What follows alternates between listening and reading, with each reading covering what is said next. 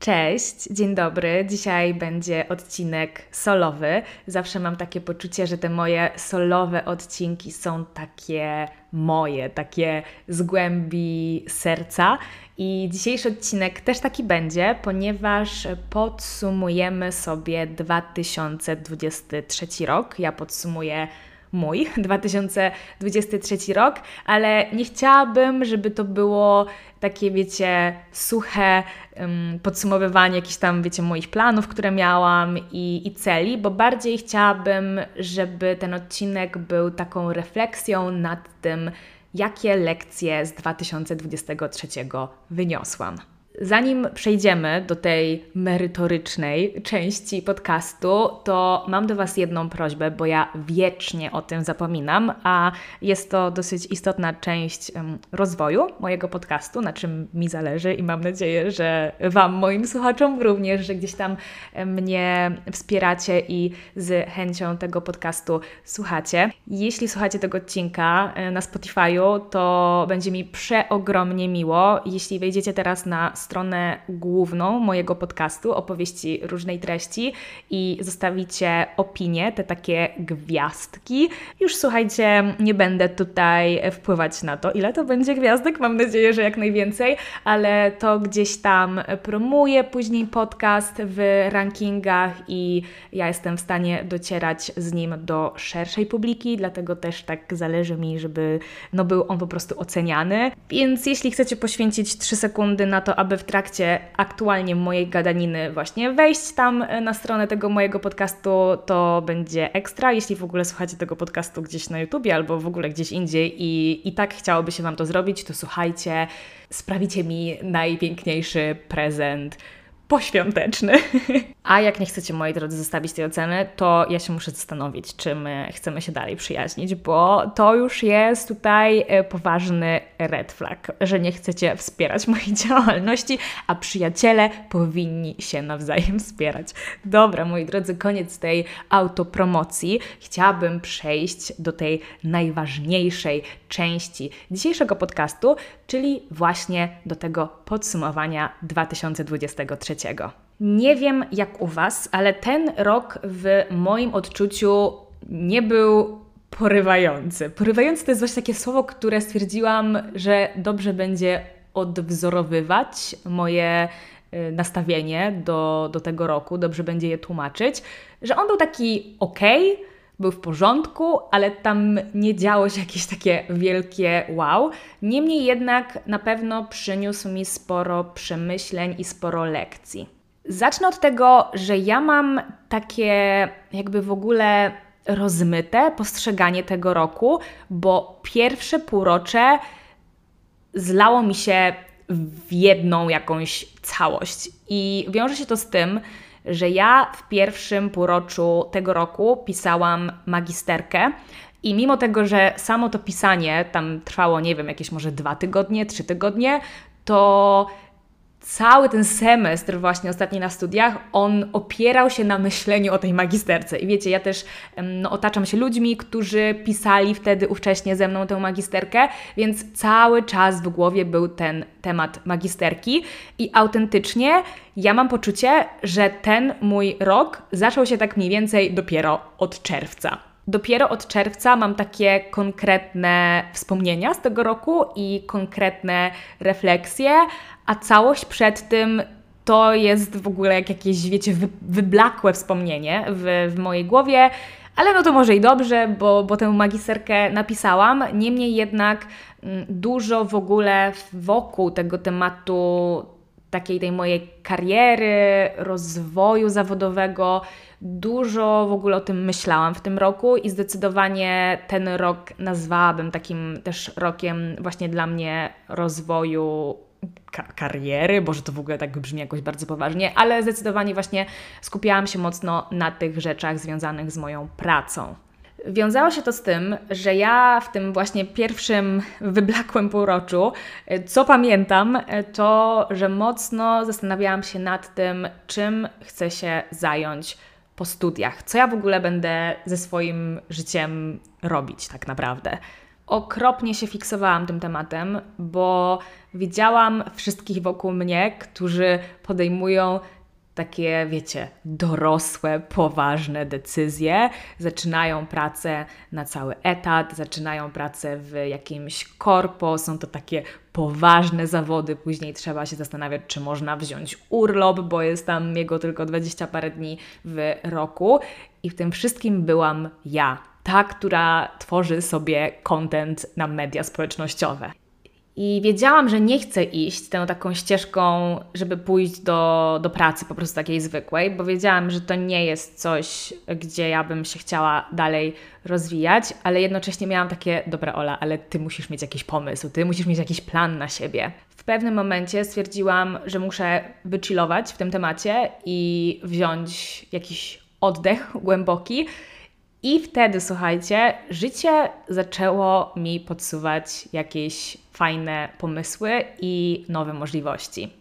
Jednym z moich postanowień noworocznych, które w ogóle znalazłam chyba jakieś dwa tygodnie temu, całkowicie wyleciało mi to z głowy, że zrobiłam sobie postanowienia noworoczne i znalazłam je właśnie w grudniu w moich notatkach na telefonie, więc teraz tak trochę będę się do nich odwoływać, bo okazało się, że wszystkie, wszystkie z nich udało mi się spełnić, więc powiedziałabym, że kurczę, całkiem nieźle w ogóle idzie mi to spełnianie postanowień noworocznych, także chyba trzeba zrobić jakieś na rok kolejny.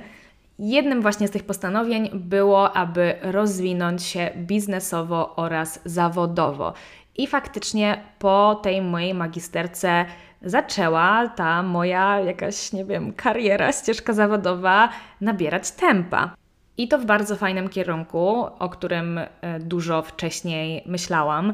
E, zaczęłam e, dawać lekcje, wykłady z content marketingu, z tworzenia treści do internetu. Mm, dostałam właśnie jakby pracę w takiej szkole internetowej i tam właśnie zaczęłam uczyć moich kursantów, a ja zawsze chciałam się dzielić moją wiedzą i doświadczeniem z innymi, więc jak dostałam tę propozycję, to byłam taka holy shit, serio, ten wszechświat mnie słucha? I, i to, o co ja proszę i to, o czym tam sobie myślę i rozważam, to później dostaję właśnie takie możliwości do zrealizowania. Dwukrotnie w tym roku miałam też okazję dać prelekcje na uniwersytecie, więc też takie, wiecie, wow, że w ogóle jakiś uniwersytet mnie zaprosił, żebym pogadała o marketingu. Mega cool. Z innej strony, ale też marketingowej, zaczęłam rozwijać z moją znajomą naszą markę, która też właśnie uczy i szkoli na temat temat e, marketingu, Studio Edify. Może gdzieś tam e, Wam się ono pokazało u mnie na profilach, bo, bo czasem o nim wspominam.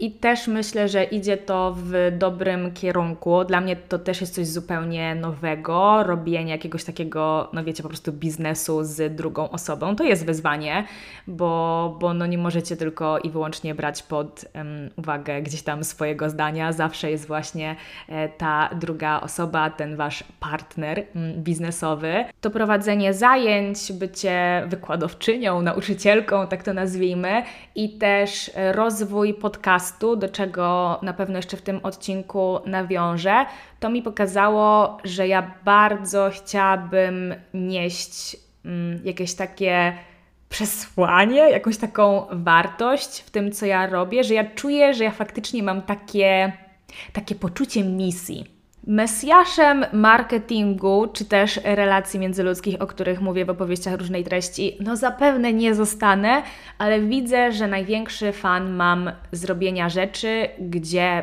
przekazuję komuś właśnie tę jakąś wartość. I to jest też duża motywacja dla mnie, żeby, żeby w ogóle to robić i, i kontynuować gdzieś tam e, te moje ścieżki rozwoju. I jeszcze jedna rzecz w sumie związana właśnie z tymi zawodowymi rzeczami. O niej nie wspominałam nigdy, nigdzie, tak mi się wydaje. Ja w tym roku cały rok byłam swoją własną menadżerką, jeśli chodzi o te influencerskie rzeczy. Od początku swojej kariery, od początku swojej też działalności na YouTubie, ja zawsze miałam jakąś agencję, jakiegoś menadżera, a w tym roku stwierdziłam, że wezmę sprawy w swoje ręce, bo wiem, jak działają agencje, wiem, jak się zajmować tymi wszystkimi współpracami, dealami, ja wiem, e, jakie są umowy, ja wiem, jak się wyceniać, ja właśnie wiem, jakie są stawki, na co zwracać uwagę.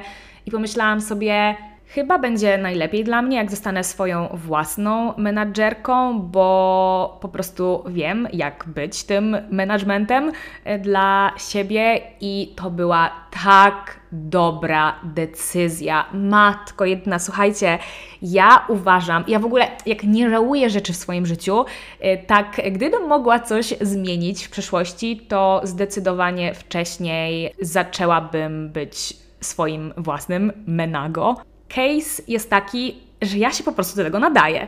I zdałam sobie przez cały właśnie ten rok z tego sprawę, bo ja nie dość, że jestem osobą bardzo odpowiedzialną, a to jest naprawdę przydatne w zawodzie menadżera i też influencera, to ja też bardzo lubię organizować, lubię planować, lubię właśnie wszystkie te rzeczy, którymi zajmują się menadżerowie. I dla mnie czytanie tych jakichś maili, odpisywanie na nie, czytanie umów, ja mam z tego ogromny fan i w ogóle też zdałam sobie sprawę, że właśnie to, że ja wreszcie mam większą swobodę i niezależność w tym takim właśnie przede wszystkim, nie wiem, wyborze, współprac, jakiejś kampanii, które robię, ja całościowo zyskałam o wiele większą przyjemność z tworzenia kontentu do mediów społecznościowych. Przez to, że mam teraz na swoich barkach większą odpowiedzialność, to mam też automatycznie większą motywację do robienia rzeczy lepiej,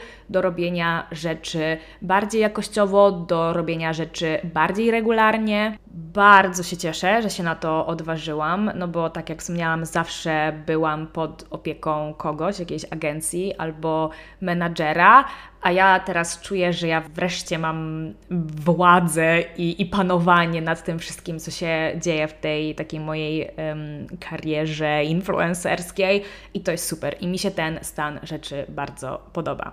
To nie jest dla każdego. Nie dziwię się, że większość influencerów woli mieć jakiś management nad sobą, ale ja czuję się z tym wspaniale i czuję o wiele większą sprawczość w tym wszystkim, co ja robię, i mimo tego, że jest to ogromna odpowiedzialność, no bo jak coś, wiecie, na przykład nie dostarczę na czas jakiegoś materiału albo coś się po drodze wysypie, to już nie jest tak, że ja mogę to, wiecie, zrzucić na barki menadżera i powiedzieć weź tam coś wymyśl, bo nie ogarnęłam się czasowo, tylko sama muszę jakoś ten problem rozwiązać i, i właśnie wziąć odpowiedzialność za, za swoje działania, dla mnie jest to niesamowicie spełniające i właśnie takie budujące motywację do, do właśnie bycia odpowiedzialną za wszystko, co robię. No, a wydaje mi się, że mało, mało osób, kurde, słuchajcie, jest w dzisiejszym świecie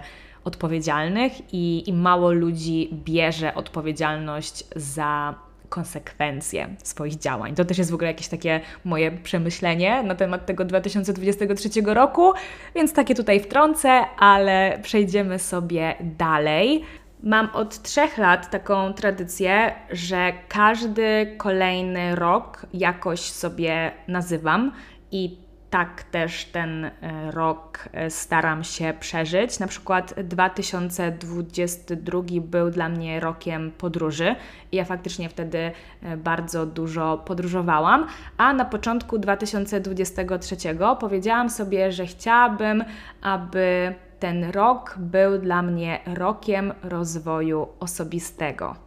I w tych postanowieniach faktycznie ujęłam taki punkt, jak odkryć nowe płaszczyzny rozwoju osobistego. Jest to w ogóle tak ogólne, tak generalne i niedookreślone, że już postaram się nie robić takich mm, postanowień, bo później nie do końca właśnie wiadomo, czy człowiek to spełnił, czy nie spełnił. A powiem Wam, że jak zaczęłam mm, tak sobie myśleć na, na temat tych moich postanowień, to miałam poczucie, że to jest jedyny, jedyny podpunkt z tej listy, którego nie udało mi się w 2023 zrealizować. Co to jest w ogóle za myślenie, że ja porównuję siebie w grudniu do siebie w styczniu i ja stwierdzam, nie no, to jest ta sama Ola. Tak jakoś byłam krytycznie nastawiona do tego, że nie widzę jakiegoś takiego przełomu w we mnie, że stwierdziłam, że no niestety ten rok to tak średnio był e, rozwojowy.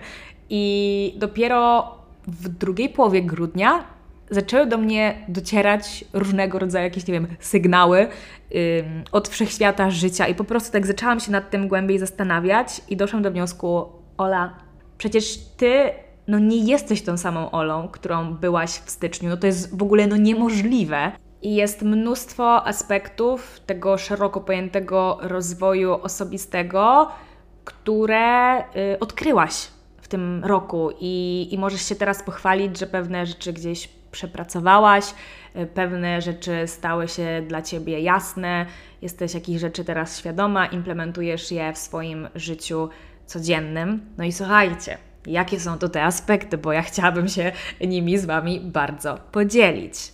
Najważniejsze, co w tym roku się dla mnie wydarzyło, i uważam, że w ogóle tym stwierdzeniem mogłabym ten rok podsumować, to że 2023 był dla mnie rokiem wychodzenia ze strefy komfortu.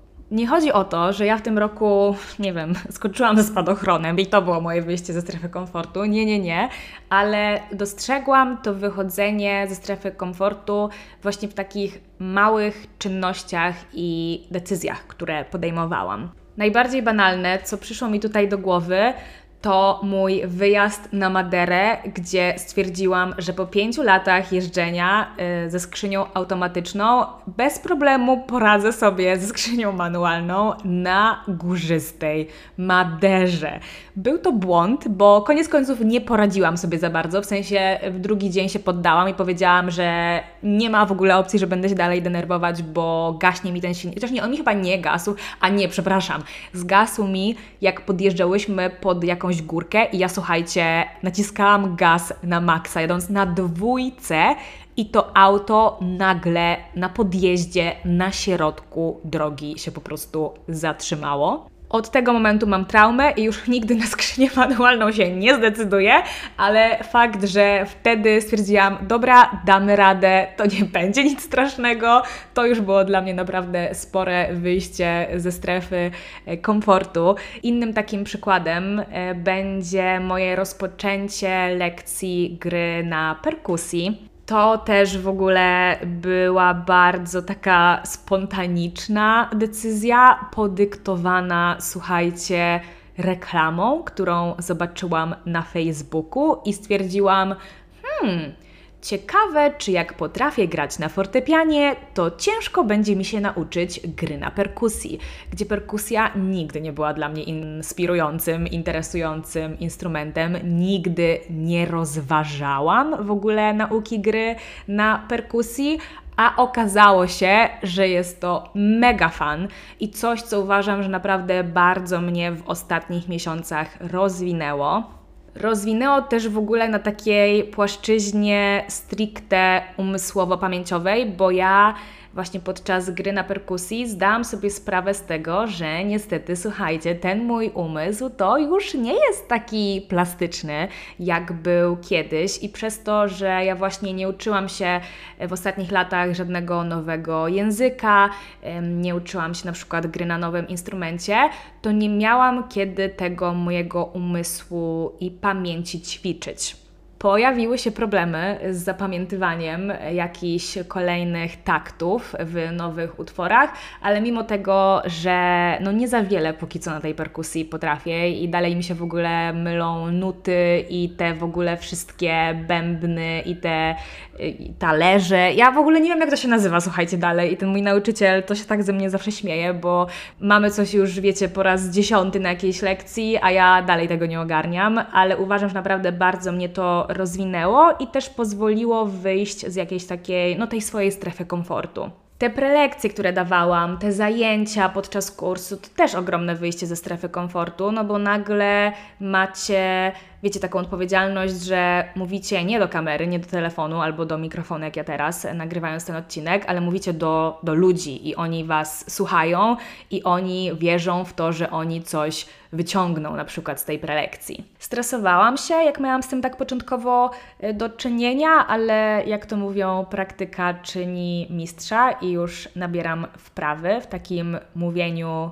do o Boże, jakieś w ogóle dziecko krzyczy za ścianą. Mam nadzieję, że, że tego nie słychać. Właśnie nabrałam takiej wprawy w mówieniu do prawdziwych ludzi, a nie tam tylko, wiecie, nagrywanie sobie jakichś storisków na, na Instagramie. Ja też siebie tak mocno puszowałam, żeby wychodzić z tej strefy komfortu, nawet jeśli mówimy o jakichś takich mm, błahych czynnościach w stylu na przykład jak słuchałam jakiegoś podcastu albo czegokolwiek i bardzo podobał mi się tam jakiś gość, który coś, wiecie, nam opowiadał i nie wiem, mówił jakieś niesamowicie mądre rzeczy i bardzo przypadało mi to do gustu, to nie znając tej osoby, pisałam do niej na Insta i mówiłam: Ej, w ogóle super się Ciebie słuchało w tym tam odcinku jakimś podcastu i w ogóle mega trzymam kciuki, nie wiem, za rozwój kariery albo cokolwiek takiego i, i będę, będę obserwować Twoje poczynania dalej. Boże, jakoś tak w ogóle to bardzo oficjalnie zabrzmiało, ale chodzi mi o to, że ja nigdy wcześniej czegoś takiego nie robiłam, że zawsze jakieś miałam takie obawy, że w ogóle pisać do kogoś, kogo ja nie znam, kto też mnie nie zna. Ja mam coś takiego w ogóle z takim nawiązywaniem jakiejkolwiek interakcji w mediach społecznościowych. Y, ja mam problem, problem.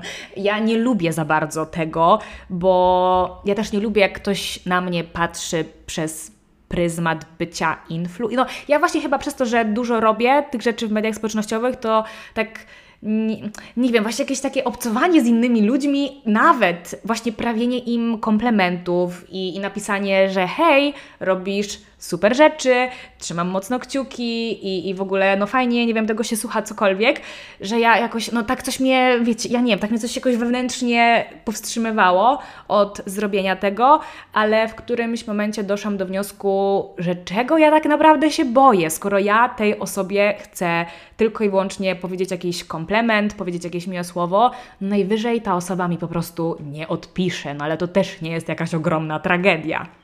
Więc jeśli chcecie kogoś pochwalić, macie dobre intencje, to ja nie widzę żadnego powodu, dla którego nie mielibyście tego zrobić. Tym bardziej, że ja też sama personalnie uwielbiam, jak ktoś do mnie napisze, że znalazł mój podcast gdzieś tam, nie wiem, na Spotify'u i przesłuchał już połowę odcinków i że w ogóle ekstra i że zaczyna mnie obserwować, bo jestem, nie wiem, fajną dziewczyną, czy coś w tym stylu. No ja się mega zawsze takimi wiadomościami jaram i, i one mają bardzo dużą wartość dla, dla twórcy kimkolwiek by, by on tam nie był. No, cokolwiek um, nie będziecie tutaj robić, to jeśli ktoś Wam powie, że robicie dobrą robotę, no to, to zawsze gdzieś tam tak łapie za serducho. Wypłynęliśmy na refleksyjne wody tego odcinka z tym wychodzeniem e, ze strefy komfortu i kolejną ważną, niesamowicie ważną lekcją, którą wynoszę z tego roku jest, że nie jestem w stanie wpłynąć na to, jak zachowują się inni ludzie,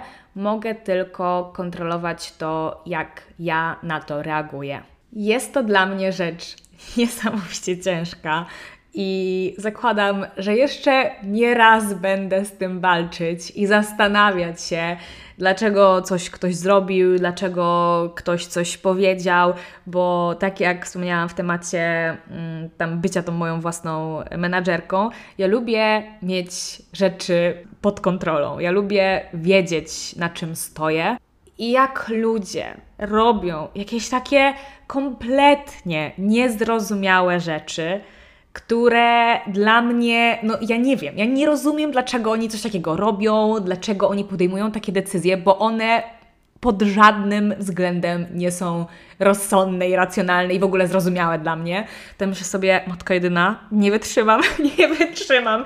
Emocjonalnie wykańcza mnie to, ale uczę się, żeby podchodzić do tego z rezerwą i wiedzieć, że ja niestety, niestety nie jestem w stanie nic z tym zrobić.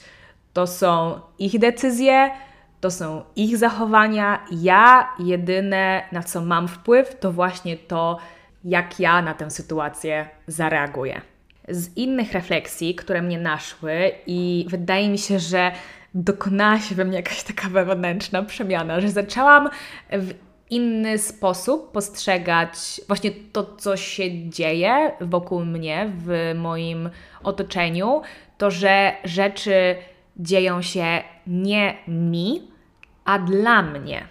Zastanówcie się nad tym, to jest w ogóle tak mądre stwierdzenie. Ja, jak to słyszałam w jakimś podcaście, to miałam takie, ale to jest w ogóle mądre. Naprawdę, są takie proste rzeczy, proste stwierdzenia, gdzie jak je słyszycie, to macie takie, że lampka Wam się nagle zaświeca nad głową i czujecie się, jakbyście odkryli Amerykę. Wyznaję zasadę, że nic nie dzieje się bez przyczyny.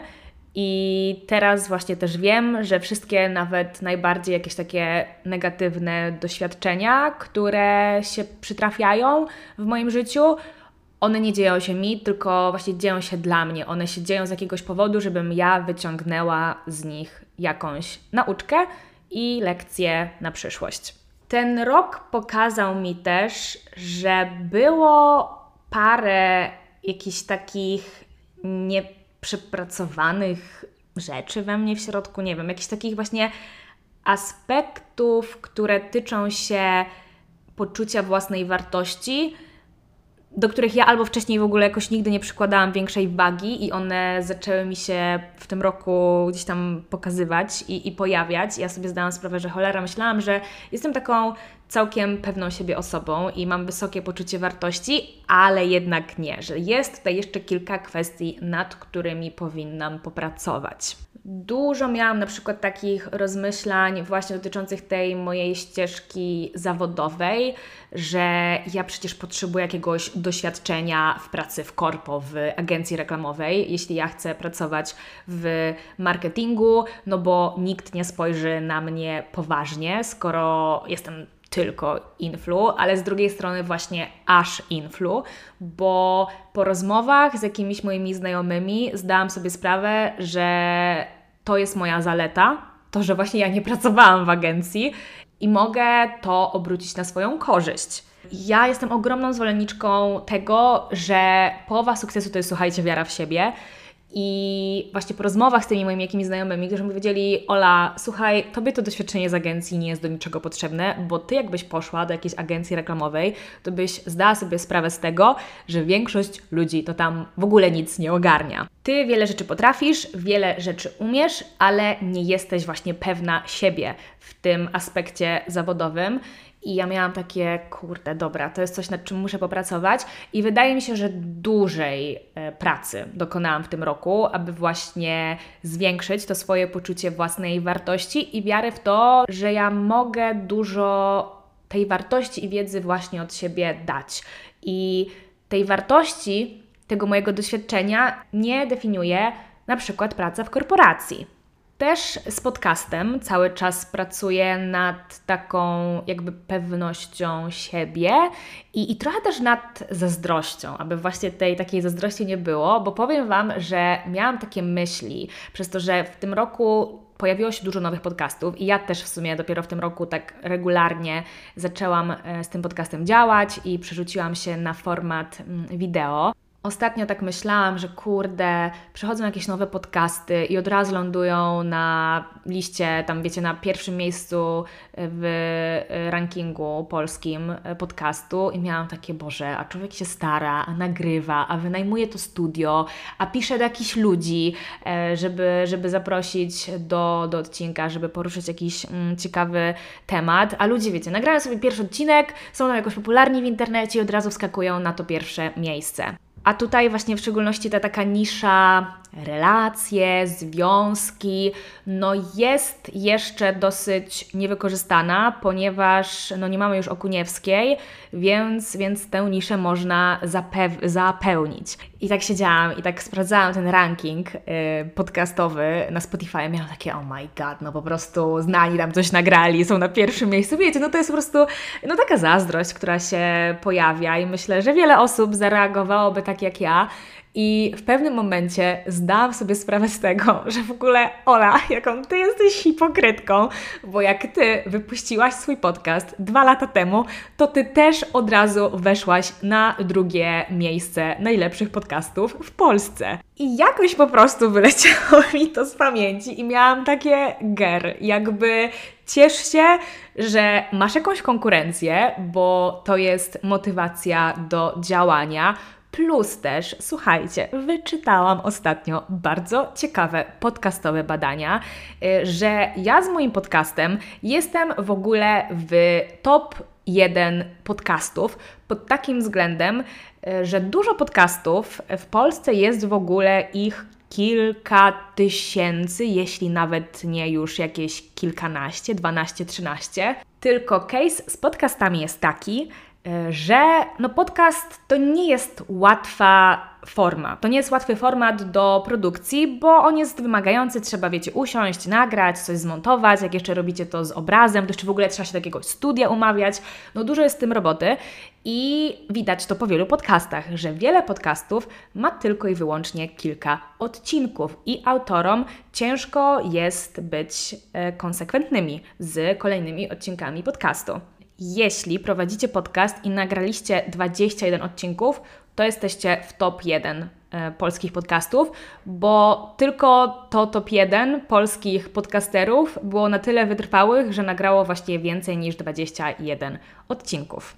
Więc stwierdziłam, że Ola nie bądź tutaj w gorącej wodzie kąpana. Zobaczymy, czy w ogóle te wszystkie nowe podcasty, które się pojawiły i które gdzieś tam, wiecie, są w topce tego, tego rankingu, to zobaczymy, czy one faktycznie będą w tym kolejnym roku się rozwijać i te odcinki będą pojawiać się regularnie. Także to będzie taki sprawdzian e, dla tych wszystkich nowych e, podcasterów, a myślę, że w ogóle kolejny rok będzie mocno takim rokiem podcastowym, bo u nas w ogóle w Polsce ta branża bardzo, e, bardzo dynamicznie się rozwija. No i mam nadzieję, że ja też gdzieś tam dołożę do tego swoją cegiełkę, no bo dalej chciałabym się z opowieściami różnej treści rozwijać. Czego jeszcze Aleksandra się nauczyła w tym 2023? Słuchajcie, nauczyłam się tego, że bycie asertywnym to jest kwestia tylko i wyłącznie praktyki. Jak to mówią, praktyka czyni mistrza. I jest tak, że pierwsze powiedzenie nie jest faktycznie wyzwaniem, ale z każdym kolejnym jest już coraz łatwiej. Życzyłabym sobie tego, aby wszystkie te osoby, które teraz mnie słuchają i które mają problem z asertywnością i stanowczością, żeby przyswoiły te słowa, że trzeba tylko postawić ten pierwszy krok i naprawdę, słuchajcie, później jest już łatwiej, ale mi w ogóle coś strzeliło w karku, matko jedyna. Ja asertywności uczę się już od wielu lat, bo ciągle też e, jestem w jakichś takich nowych sytuacjach, które mnie tak stawiają pod murem i mówią: Ola, to jest teraz ten moment, ty decydujesz, czy będziesz asertywna czy powiesz nie, czy ulegniesz tej drugiej osobie albo jakiejś tam, nie wiem, presji tej sytuacji. I jestem mocno dumna z siebie w tym roku, bo było kilka takich sytuacji, gdzie odezwał się w mojej głowie taki głos, że Ola, ty nie chcesz tego robić i ja jeszcze kilka lat temu bym stwierdziła, nie no dobra, nie mogę urazić tej drugiej osoby, nie chcę zranić jej uczuć. A w tym roku już wielokrotnie miałam taką sytuację, że stwierdziłam, ufam swojej intuicji i mówię nie. I po prostu mówię, że nie mam na to ochoty, nie chcę czegoś tam zrobić. I serio to jest łatwiejsze. Z każdym kolejnym nie, odmawianie nie sprawia już Wam tak dużego dyskomfortu. Co ważne, jak powiecie nie, to nie macie obowiązku tego argumentować. W sensie, oczywiście możecie, jeśli chcecie, jeśli macie jakiś pomysł, ale jeśli komuś odmawiacie, bo po prostu nie czujecie, że to jest coś dla Was, nie czujecie, że to będzie dla Was korzystne, i ktoś Wam mówi, no ale dlaczego, dlaczego mówisz nie, dlaczego, nie wiem, nie chcesz pójść ze mną na randkę, czy cokolwiek takiego, bo o tym będziecie e, słuchać w kolejnym odcinku podcastu, który jest już nagrany i tam właśnie z moją gościnią na ten temat rozmawiałam. Jak mówicie nie, to mówicie nie. I słuchajcie, to jest koniec tematu. To jest y, tylko i wyłącznie to jedno słowo w tym zdaniu i kropka. Nic nie trzeba uzasadniać, nic nie trzeba tłumaczyć. To jest Wasza decyzja i Wy macie do niej prawo. 2023 to był też dla mnie taki okres, gdzie ja uczyłam się, jak enjoyować proces, a nie tylko cel i efekt. Nie potrafię znaleźć w języku polskim lepszego słowa na enjoyowanie, bo te nasze polskie tłumaczenia są takie, że one nie dają mi w 100% właśnie tego takiego wybrzmienia, jak jest enjoy w języku angielskim, więc wybaczcie, że tutaj tym słowem, no nie w języku polskim się posłużę, ale to jest dla mnie też wciąż rzecz, nad którą ja w kolejnym roku na pewno będę chciała mocno e, popracować, bo ja często, ja w ogóle lubię się bardzo challenge'ować. Ja lubię sobie stawiać jakieś takie właśnie cele, które chcę zrealizować. I ja, jak do tych celi tam sobie dochodzę i je realizuję, ja w ogóle zapominam o tym, co się dzieje po drodze. A jest to złe, bo właśnie to, co się dzieje po drodze, zazwyczaj najwięcej nas uczy. Jak stawiam sobie jakiś cel, to wiecie, jak go zrealizuję, to myślę sobie, okej, okay, dobra, to kolejny, to kolejny, to kolejny. I, I zapominam właśnie o tym wszystkim, co dzieje się pomiędzy zdobywaniem tych kolejnych y, szczytów górskich.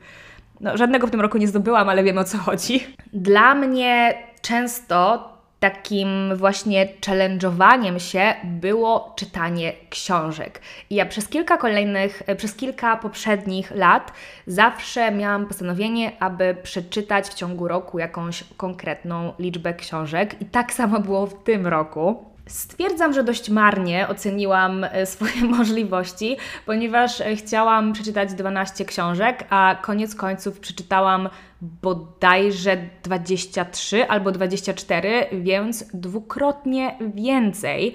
Ja w ogóle miałam mega dobry vibe z czytaniem książek w tym roku i dużo, dużo wiedzy w ogóle z tych książek, które czytałam, mm, wyciągnęłam, ale Mam takie postanowienie na kolejny rok, aby właśnie ponownie nie dawać sobie postanowienia z czytaniem książek, ponieważ ja widzę, że ja się skupiam na tym, że ja chcę tę książkę przeczytać, a niekoniecznie właśnie na całym tym procesie czytania książki i, i tego, co się tam dzieje na, na każdej kolejnej kartce i w każdym kolejnym rozdziale.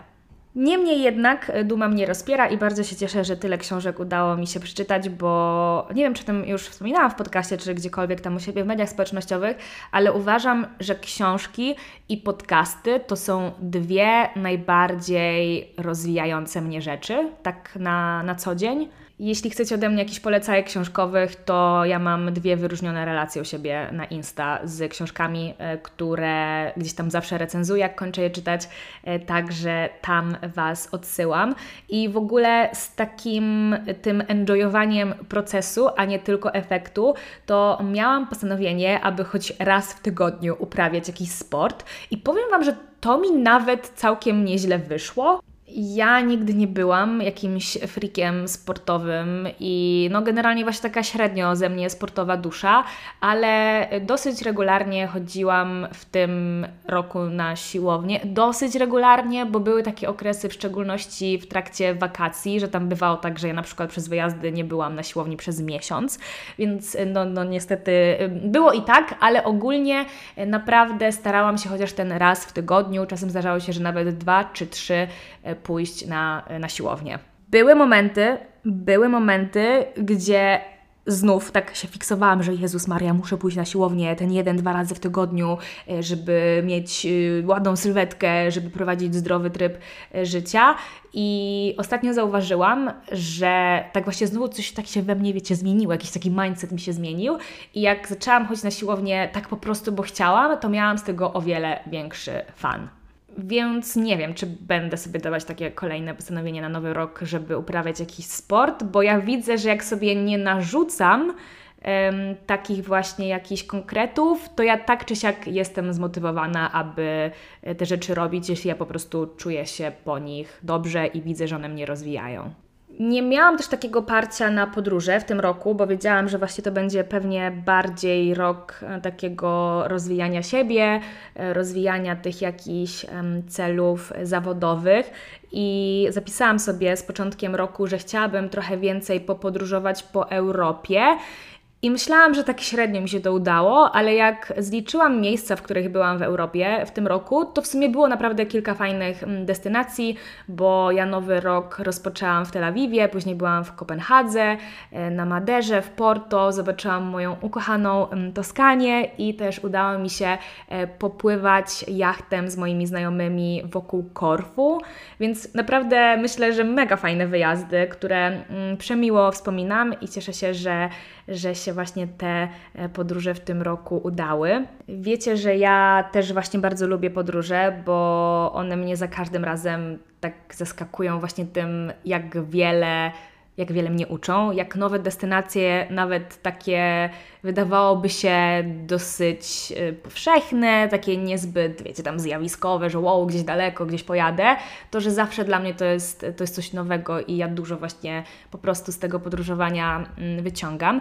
Nie wiem, jak będzie podróżniczo wyglądał rok kolejny. Mam zaplanowaną już jedną podróż i to taką długą i, i taką, że po prostu nigdy jeszcze na takim wyjeździe nie byłam, ale to zobaczymy, czy, czy faktycznie później e, ten wyjazd podyktuje jakieś kolejne moje podróżnicze mm, decyzje w 24. E, Wczoraj w ogóle kolejny off-topic, przepraszam Was bardzo, ale po prostu przypominają mi się jakieś takie randomowe informacje i fakty. Wczoraj słuchałam jakiegoś podcastu e, takiej dziewczyny, którą bardzo lubię. Ona się nazywa Kim Perez o matko, nie pamiętam, ale ona jest właśnie taką bardzo e, pozytywną e, podcasterką, twórczynią i ona gdzieś tam jest e, mocno w tym temacie jakiejś manifestacji, prawa przyciągania i tak dalej. Ja, ja lubię te takie trochę szamańskie tematy i ona właśnie mówiła, że ten kolejny rok to numerologicznie jest ósemka, a ja jestem numerologicznie ósemką i tak myślałam sobie, kurde, ja tak czuję, że ten kolejny rok będzie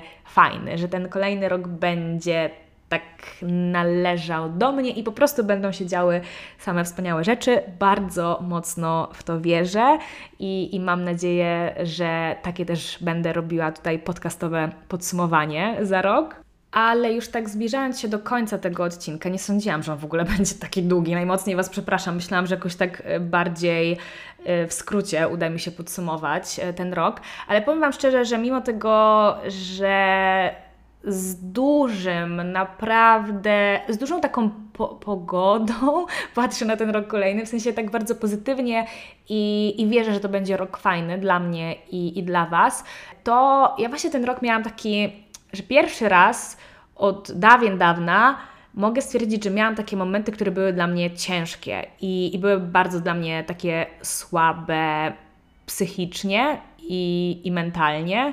Listopad i grudzień miałam taki, że dużo się nałożyło na siebie rzeczy zawodowych i, i osobistych i w ogóle ta jesień, ciemno o godzinie 15, no człowiekowi po prostu nic się nie chce robić i, i ledwo co zaczął dzień, a, a już jakby była znowu noc. I miałam kilka takich tygodni, gdzie straciłam motywację do, do robienia czegokolwiek i właśnie taką też wiarę w siebie, w swoje wartości, w swoje plany i w ogóle tak zaczęło mi się wszystko po kolei sypać, od tych rzeczy zawodowych po, po właśnie też jakieś takie osobiste. Tu mi jakaś fajna współpraca nie weszła, tu coś innego się właśnie posypało, tu szłam na lekcje perkusji, niczego nie potrafiłam, bo nie ćwiczyłam, bo nie mam instrumentów w domu, a ja w ogóle jestem e, strasznie samokrytyczna, jeśli chodzi o grę na instrumentach. Jak nie jestem perfekcjonistką w życiu, staram się nią nie być, tak jestem, jeśli chodzi właśnie o grę na fortepianie. No i teraz okazało się też na perkusji i siedzę na tych zajęciach i tam coś próbuję zagrać, ale mi to nie idzie i się irytuję i się wkurzam na siebie i mówię, Boże Ola, dlaczego Ty tego nie potrafisz? I cały czas taka po prostu negatywna energia wokół mnie, w moim otoczeniu. Tu jeszcze w jakichś relacjach międzyludzkich coś tam się nie, wiecie, nie udaje, ktoś tam, wiecie, coś Was zawiedzie i tak dalej. I ja myślę sobie, nie no, ja nie dam rady tak więcej. Jest tyle negatywnej energii wokół mnie, że ja czuję, że ja przyciągam do siebie właśnie tylko i wyłącznie kolejne negatywne zdarzenia. W którymś momencie stwierdziłam, I'm done. I'm done with that shit. Ja to zostawiam za sobą. Ja już przestaję w ogóle rozmyślać e, na temat rzeczy, na które nie mam wpływu. bo to nie przynosi nic pozytywnego w moim, w moim życiu, a ja no, nie jestem w stanie pewnych rzeczy kontrolować. I jak ręką odjął, jak magiczną różdżką, słuchajcie, tam pomachać, wszystko nagle zaczęło nabierać ponownie kolorów i, i zaczęły się dziać właśnie same pozytywne rzeczy. Zauważyłam, że ja po prostu tak byłam otoczona tymi negatywnymi myśla, myślami, że nie dopuszczałam do siebie właśnie żadnych nowych okazji, możliwości, które gdzieś tam po prostu na mnie czekały, żebym tylko właśnie miała znów na nie przestrzeń e, w swojej głowie to mnie uświadomiło, że wszystko siedzi w naszej głowie i od naszego nastawienia, od naszej wiary w, w nas, w nasze możliwości, zależy właśnie wszystko to, co, co wokół nas się dzieje i musi być jakiś ten taki, wiecie, balans energetyczny we wszechświecie. Wniosek jest taki, że jak coś odpuścicie, to się okazuje, że życie nagle Wam otworzy jakieś nowe szuflady, nowe drzwi, nowe okna i, i podeślę Wam naprawdę fajne rozwiązania i, i fajne rzeczy. Tego się trzymajmy i z takim mindsetem e, wchodźmy w ten 2024. Myślałam sobie, jaki chciałabym, żeby ten kolejny rok był dla mnie, ale Wam nie powiem. Powiem Wam za rok. Do słyszenia w tym odcinku za rok, ale kolejny ogólnie podcastowo będzie już jakoś chyba za tydzień. Także dziękuję Wam ślicznie za wysłuchanie. No i co? Szczęśliwego nowego roku. Cześć!